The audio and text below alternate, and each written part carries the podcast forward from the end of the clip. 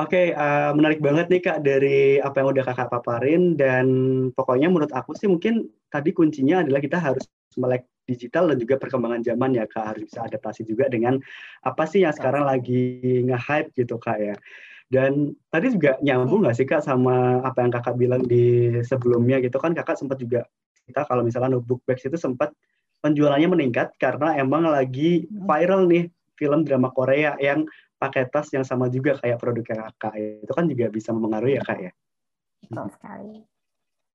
Yes, dan ini nih kak, aku kan sempat juga nih ngekepoin akun uh, notebook bag sendiri nih kak di sosial media gitu, aku cari-cari gitu. Yeah. Dan ternyata emang uh, udah luas juga kak jaringan dari notebook bag sendiri. Yang aku tahu ini bener nggak sih kak, emang notebook bag sendiri kan udah sampai dipasarin ke produk uh, ke luar negeri gitu ya kak ya produk-produknya Nububax itu udah dipasarin ke luar negeri kayak misalnya Malaysia ada juga Singapura gitu ya kak ya. Nah hmm, ya. karena itu udah worldwide juga kan pastinya ada effort yang harus dilakuin lagi kan ya kak? Mungkin kakak bisa cerita nggak ya, sih Uh, apa aja sih sebetulnya yang harus dilakuin ketika itu tuh udah semakin luas tahapan pemasarannya kakak apalagi udah sampai ke luar negeri? Apakah uh, ada sesuatu yang harus dilakukan lebih ekstra atau gimana nih kak? Oke. Kalau dari pengalaman Nubuk sendiri, ini tuh akibat dari pentingnya untuk aktif di semua platform gitu. Jadi uh, mungkin uh, kita nggak bisa hanya berfokus pada Instagram, walaupun memang kita utamanya jualan adalah di Instagram gitu. Tapi kita juga perlu untuk uh, ikut di channel-channel yang saat ini lagi hits ya, misalnya kayak ada TikTok gitu kan. Nah, awal mulai dari kita go international sendiri itu adalah kita mulai aktif di TikTok. Kita waktu itu nggak ada uh, kepikiran sama sekali bahwa kita bakal punya buyer internasional gitu. Waktu itu kita hanya kepikirannya cuma pengen bangun sebatas awareness aja nih di TikTok gitu. Pengen nubuk itu ada di semua platform. Tapi tahu-tahu pas kita mulai aktif di TikTok, tiba-tiba kita mulai dapat uh, banyak chat dari orang Filipina, dari orang uh, Singapura, Malaysia gitu. Pada nanyain kita punya e-commerce shopping nggak gitu. Nah dari situ kita mulai oh ternyata kalau kita aktif di semua platform dan toh sekarang kita uh, bayar tuh udah termudahkan kok dengan adanya e-commerce e-commerce yang emang shipping internationally gitu. Kita cukup kirim ke gudangnya. Nah dari situ kita mulai oke okay deh uh, kita beraniin nggak cuma aktif di TikTok gitu. Kita uh, sekarang udah mulai endorse endorse juga untuk uh, ibaratnya influencer-influencer gitu ya, influencer Singapura. Kita juga lagi cari untuk Malaysia, Filipina kayak gitu.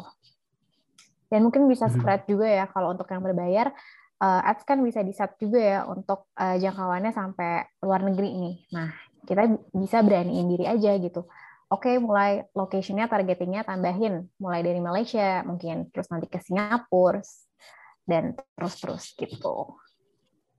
Nah, itu tuh listeners mungkin bisa dicoba juga mungkin ya langkah-langkah yang dilakuin juga sama Kak Aya dan teman-temannya sampai akhirnya notebook bag sendiri bisa sampai ke Singapura, ke Malaysia gitu ya Kak ya. Mungkin ya. emang kita harus melek sama digital apps juga gitu.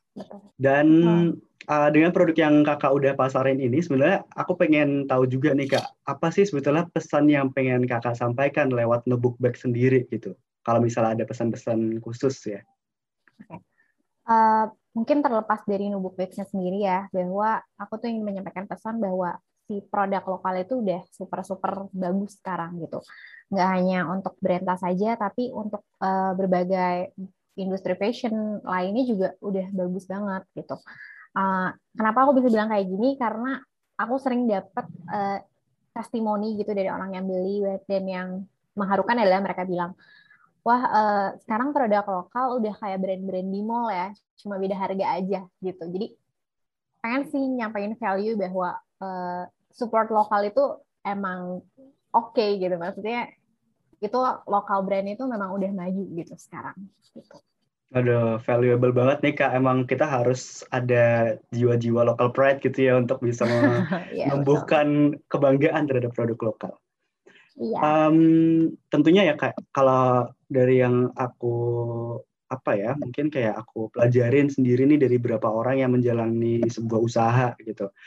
Betulnya uh, usaha itu kan pasti ada hambatannya, ada nggak cuman gampang-gampangan doang gitu kan ya. Pasti ada kesulitannya untuk dilakuin gitu. Sebenarnya Kak Ayah sendiri ada nggak sih Kak hal-hal tersebut gitu? Kayak hambatan-hambatan apa yang Kakak alami sejak awal me, apa ya menciptakan ide nubuk bags terus juga sampai sekarang dan gimana cara kakak untuk bisa menghadapi atau mengatasi hambatan tersebut? Kalau hambatan sendiri mungkin ada internal dan ada eksternal gitu ya aku bagi. Nah kalau hambatan eksternal mungkin ya semua brand juga beda-beda ya karena uh, hubungan operasionalnya beda-beda. Mungkin kalau dari nubuk pengalaman nubuk sendiri mungkin uh, dealing dengan vendor lah, dengan karyawan sendiri seperti itu gitu. Kalau untuk hal-hal eksternal sih mungkin uh, cara untuk kita uh, preventifnya adalah setiap melakukan satu keputusan atau kita uh, mengambil satu keputusan itu kita harus tahu resiko dari keputusan itu sekecil apa pun gitu ya.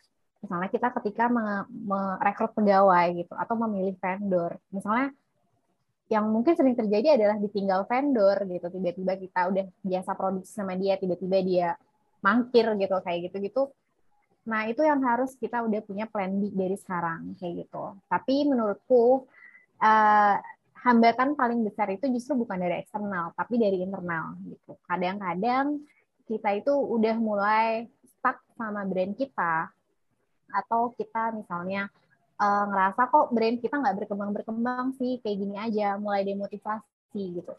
Nah itu sih menurutku hambatan yang lebih besar dari hambatan eksternal. Nah uh, untuk yang aku terapkan di Nubuk sendiri adalah kita make the goals clear, lebih clear lagi. Biasanya ketidakpastian itu membuat kita demotivasi sih gitu. Jadi kita breakdown lagi nih, kita punya goals apa tahun ini, kita mulai, oke, okay, apa berarti yang belum tercapai, apa yang kira-kira udah tercapai, kita mulai setting ulang, dan juga kita harus step back sih dari brand kita gitu.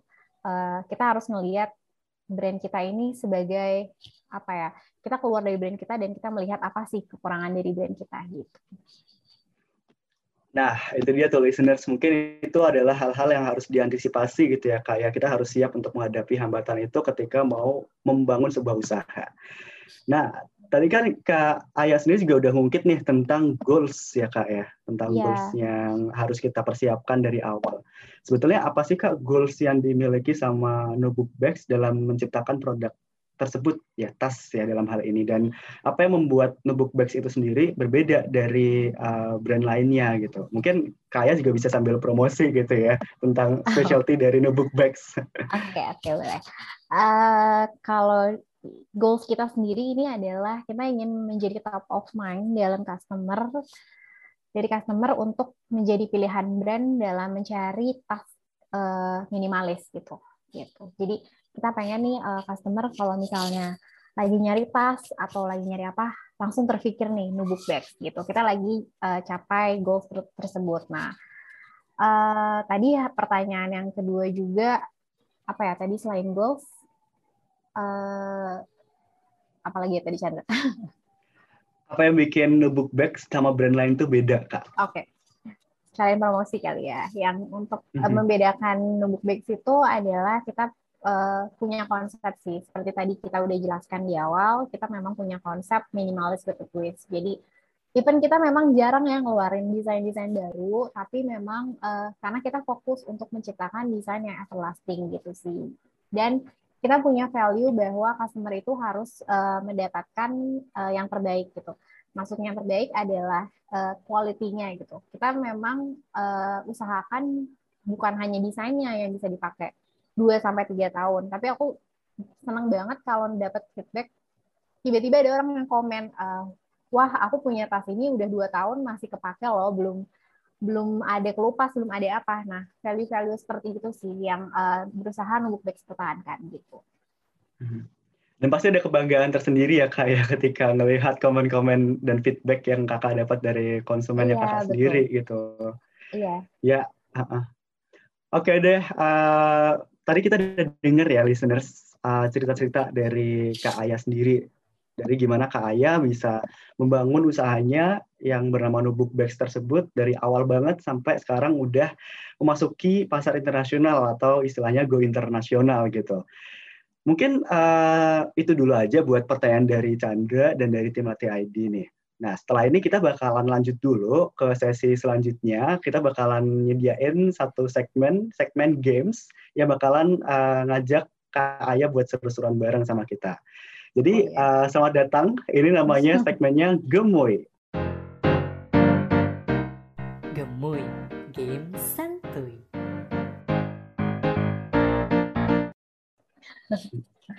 Oke deh kak. Jadi sebelum kita mulai nih, aku nggak bakalan sendirian karena aku bakalan ditemenin sama teman aku, yaitu ada our anonymous game master kak. Dia bakalan uh, memberitahu gimana sih rules dari game ini, terus juga bakalan memandu games uh, yang bakalan kita mainin. So langsung aja, welcome game master. Halo, gimana gimana? Udah siap belum nih buat main games? Okay. Udah dong. Penasaran gak nih gamesnya Kaela sama Chandra? Kira-kira gamesnya apa ya? Apa, apa tuh kalau boleh tahu? Oke, okay, jadi gamesnya adalah spelling bee. Jadi uh, uh, permainannya akan dimainkan oleh dua orang, yaitu oleh Kak Aya dan Chandra. Dan setiap pemain akan diberikan tiga kata dan harus mengeja setiap huruf di dalamnya dalam waktu 10 detik. Kalau lewat dari 10 detik dan belum selesai, berarti kalian gagal atau kalian akan mendapatkan poin-poin tergantung sama uh, kata-kata yang udah kalian tebak nih. Kayak contohnya, uh, aku kasih kata buah. Dari buah ada empat huruf, dan dalam waktu 10 detik, uh, cuma baru sampai ke huruf ketiga. Berarti kalian cuma akan dapat poin 75. Kayak gitu. Dan gak boleh pakai alat bantu apa pun. Gimana, gimana? Udah siap belum? Ini siap banget dong. Oke, jadi pertama mungkin okay. Chandra dulu kali ya, biar sebagai contoh. Boleh, boleh, boleh, boleh.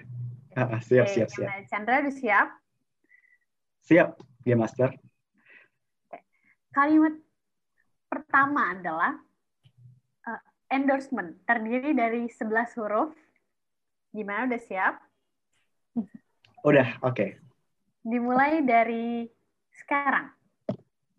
E, N, D, O, R. S E M E N T. Yay! Wah, makin Wah. berkompetisi nih, makin kompetitif. Nah, kita harus, Ayah harus ngejar Chandra nih, nggak boleh salah di kalimat. Dia tegang. Ayo, Kak, semangat, Kak. Yang kedua, uh, influencer, 10 kata. Udah siap, Kak Ayah?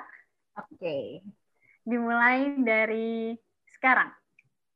I N F L U E N C E N. Yay! Bener gak tuh? Bener, bener, bener. bener, bener. Kurang dari 10 detik. Dan poinnya 100. Oke, ketat nih persaingannya. Dan kalimat ketiga, itu ada entrepreneur. Chandra, gimana udah siap? Siap. Lumayan ribet nih kayaknya. Iya nih. Mulai dari sekarang. E N T R E P E U E E R. Ah, waduh, waduh, waduh, waduh, oh, jadi jadi buyar nih. Kelewatan ya tadi ya. Kelewatan ya, kalimatnya kebanyakan oh, iya, kayak bingung gitu. Oke, tadi hmm, kan bener, salah bener. di huruf tengah ya, kalau salah ya di tengah-tengah jadi bener. poinnya uh, uh. 50 aja nih jadi ada kesempatan nih buat Kak Aya untuk masih ada poin ya Iya. Okay. Masih ada poin untuk ngejar Chandra. Dan uh, kata selanjutnya adalah produknya dari Nubook Bag. Wow. Nama collection dari Nubook Bag yaitu Kale dan Bina. Untuk Kale dan Bina, dan ini nggak usah dieja, cukup Kale Bina. Oke. Okay. 10 huruf. Yep. Kaya harus benar, karena itu produknya Kaya. Iya, betul sekali. Oke, gimana? Udah siap, Kak? Udah. Uh, dimulai dari sekarang. K A L E I B I N N A. Wow, cepet banget. Wah. Untung Keren banget, Kak. Ya. malu kalau salah. kalau malu, kalau salah malu ya, Kak. Ya? Malu, malu. cepet banget dari tadi kurang dari 10 detik semua ya. Aduh, aku nggak boleh kalah nih. Iya, kamu masih bisa ngejar di pertanyaan selanjutnya. Ini pertanyaan terakhir buat Chandra yang menentukan menang dan kalahnya. Oke. Okay. Katanya adalah bisnis dalam bahasa Inggris. Depan Oke. Okay. Oke. Okay. Dimulai dari sekarang. B U S I N E S S. Yeay! Akhirnya. Oke, akhirnya. kalau kaya kalah di pertanyaan selanjutnya mungkin masih bisa sama nih poinnya. Tapi kalau misalkan kaya benar, uh, semuanya udah disikat habis nih sama kaya. Wow. Oke, pertanyaan ketiga yang terakhir. Collaboration, bahasa Inggris, 13 huruf. Oke. Gimana saya? Oke. Eh, udah siap? Udah. Dimulai dari sekarang. C O L L A B O R A T I O N. Wow. Selamat kak. Wah, selamat. Iya. Aku nggak dapat hadiah. Ya, kamu mungkin harus di Mbak dulu. Dan Kaya akan mendapatkan hadiah souvenir dari Latih ID Speaking. Nanti aku Wow. akan kirimkan ke alamatnya Kak. Makasih. Makasih. Thank you, Game Master. Thank you. Thank you, Game Master. Bye. Oke deh, jadi kita udah seru-seruan bareng ya kak ya, udah refresh lagi nih tadi setelah sharing-sharing, isinya semuanya yang insightful-insightful. Sekarang agak receh dikit nggak apa-apa lah ya kak ya. Oke. Jadi, eh iya betul. Jadi eh, habis ini kita bakalan lanjut lagi ke segmen berikutnya. Yang jelas ini udah ditunggu-tunggu sama listener semuanya, karena Mhm. Chandra bakalan bacain pertanyaan-pertanyaan yang udah didapat dari listeners nih. Jadi udah ada banyak banget dan Chandra udah milih beberapa pertanyaan gitu. Jadi uh, untuk segmennya ini sendiri namanya adalah pulsa. Pulsa, pertanyaan mantul dari pemirsa. Mantap. Siap? Oke, udah siap kak buat ngejawab pertanyaannya? Udah, udah siap. Oke. Oke, pertanyaan pertama nih ada dari @humamdz ya. Jadi pertanyaannya adalah resiko-resiko apa yang harus diperhatikan jika memulai bisnis offline? Karena modal yang dikeluarkan akan lebih besar, seperti harga sewa, menjaga kualitas produk supaya tetap fresh dan lain-lain gitu. Oke. Eh, jadi resiko dalam membangun bisnis off- offline ya? Iya, ha, bener. Oke. Sip. Kalau aku langsung jawab aja ya berarti ya. Eh, Boleh, boleh silakan kak. Kalau oke, tapi sebelumnya aku disclaimer dulu ya. Mungkin karena aku belum pernah eh, melakukan bisnis offline, tapi aku punya beberapa pengalaman yang aku dapat dari teman-teman yang bisnis juga, kawan-kawan bisnis aku. Dalam bisnis online eh, offline itu biasanya lebih hati-hati karena banyak perhitungan fixed cost, fixed cost yang seperti biaya sewa di awal tadi, biaya investment produk gitu. Ibaratnya kalau coffee shop harus beli dulu nih si alat kopinya, gelas-gelasnya gitu. Nah, biasanya untuk memulai start awal, kita itu ada namanya studi kelayakan bisnis. Nah, di situ kita mulai melakukan perhitungan secara finansial biasanya. Kita eh, hitung nih kira-kira akan balik modal itu berapa lama dan segala macam. Ini akan menentukan nantinya apakah bisnis kita itu layak dijalankan atau tidak gitu. Kalau misalnya nanti ada indikatornya sendiri. Kalau misalnya eh, tidak layak, ya mungkin lebih baik untuk tidak gitu ya. Dan juga eh, itu kalau secara teoritis gitu ya. Kalau misalnya secara teknis gitu ya, practically, mungkin bisa dicek juga nih eh, kalau misalnya bisnis offline itu kan nyawanya adalah tempat. Jadi harus dicek dulu nih apakah tempat yang kita pilih itu benar strategis. Kalau misalnya tempat yang benar strategis, kita harus mikir nih gimana caranya menggiring orang untuk mau ke tempat tersebut gitu sih. Marketing effort apa sih Mhm. yang kita perlu gitu. Oke, gitu. Tapi tentunya pasti uh, tiap bisnis tuh ada plus minusnya kayak kalau offline gimana, kalau online gimana gitu. Dan usahanya pasti bakalan berbeda juga gitu ya kayak. Betul. Ya, semoga jadi bisa menjawab uh, pertanyaan dari @humamdz. Selanjutnya ada pertanyaan lagi nih Kak dari @safiera AS. Jadi pertanyaannya adalah seberapa penting desain dalam sebuah brand? Karena yang kita tahu desain itu kan susah ya Kak, dan nggak semua orang bisa. uh, kalau misalnya kita mau memaksimalkan di desain itu sendiri, mungkin nanti biaya bayarnya juga uh, juga tinggi gitu ya jasa desainernya gitu. Jadi mungkin kadang-kadang terhambat di sisi desain gitu. Mungkin bisa dijawab Kak. Kalau ditanya seberapa penting dulu ya, seberapa penting itu menurut aku desain itu penting banget karena uh, kita kalau secara online kita attract customer itu pertama dari konten dan konten itu sangat berhubungan erat dengan desain gitu. Ketika desain kita nggak bagus, orang pasti langsung skip ya, langsung swipe up aja, swipe up apa swipe langsung ngeliat gitu. Swipe left gitu ya kayak. Iya, swipe left ya salah. Terus uh, kenapa sih konten itu memang nggak semua orang bisa buat gitu, tapi yang bisa kita lakukan adalah kita bisa kok benchmark tadi ya benchmark lagi. Kita lihat nih uh, mungkin kita bisa cari-cari kok ide di Pinterest gitu ya. Apa sih uh, kita nggak harus develop idenya dari awal tapi mungkin kita ATM ya. Amati tiru modifikasi nih misalnya ada desain ini kayak bagus nih tinggal diubah gini gini gini gitu. Atau sekarang sih kalau kita ngomongin soal mahal murah uh, ada sedikit tips juga nih.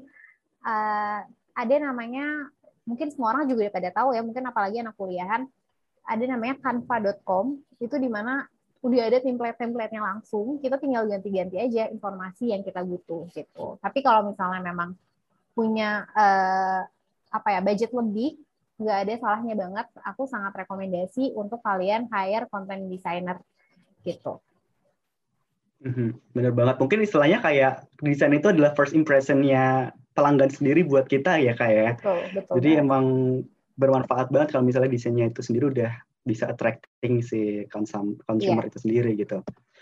Oke deh, jadi itu tadi dua pertanyaan sih kak dari uh, banyaknya pertanyaan, tapi mungkin karena juga waktunya udah panjang nih dari kita juga udah sharing-sharing, udah dapat banyak banget insights dari kak Aya sendiri tentang usahanya di Nubuk Bags, jadi mungkin uh, kita bisa akhiri juga nih untuk uh, apa ya sharing-sharing di sore hari ini gitu ya. Hmm. Mungkin Kak Ayah sendiri ada pesan yang mau disampaikan ini buat listeners? Oke. Okay. Uh, pertama mau terima kasih dulu buat Latih ID udah invite aku jadi pembicara dan semoga juga untuk listener semua informasi ngobrol-ngobrol kita tadi ini bisa practically diterapkan gitu. Uh, pesanku buat entrepreneur yang sedang berjuang atau yang baru mau berjuang, jangan takut-takut untuk nyemplung ke dunia bisnis. Uh, jangan sampai kita stuck di idea kelamaan tapi nggak praktek-praktek gitu. Jadi uh, tenang aja dalam memulai satu bisnis atau menjalankan suatu bisnis kita nggak mungkin bikin keputusan yang 100% selalu benar gitu. Bisnis is all about A/B testing, mana yang benar uh, kita coba dan pasti ada chance untuk salah. Jangan pernah menyerah kalau salah dan jangan pernah takut juga kalau misalnya salah. Terima kasih. Waduh, itu sangat wiseful banget ya kak ya. ya semoga aja bisa diterapin sama listener semua yang lagi dengerin podcast kali ini. Dan sekali lagi aku mau ngucapin terima kasih banyak buat Kak Aya karena udah mau sharing-sharing bareng sama Latih Adi Speaking. Dan mungkin buat listeners nih yang masih galau, masih suka penasaran gimana sih cara supaya kita bisa membangun bisnis yang tepat dan butuh saran-saran dari orang-orang yang berpengalaman gitu ya.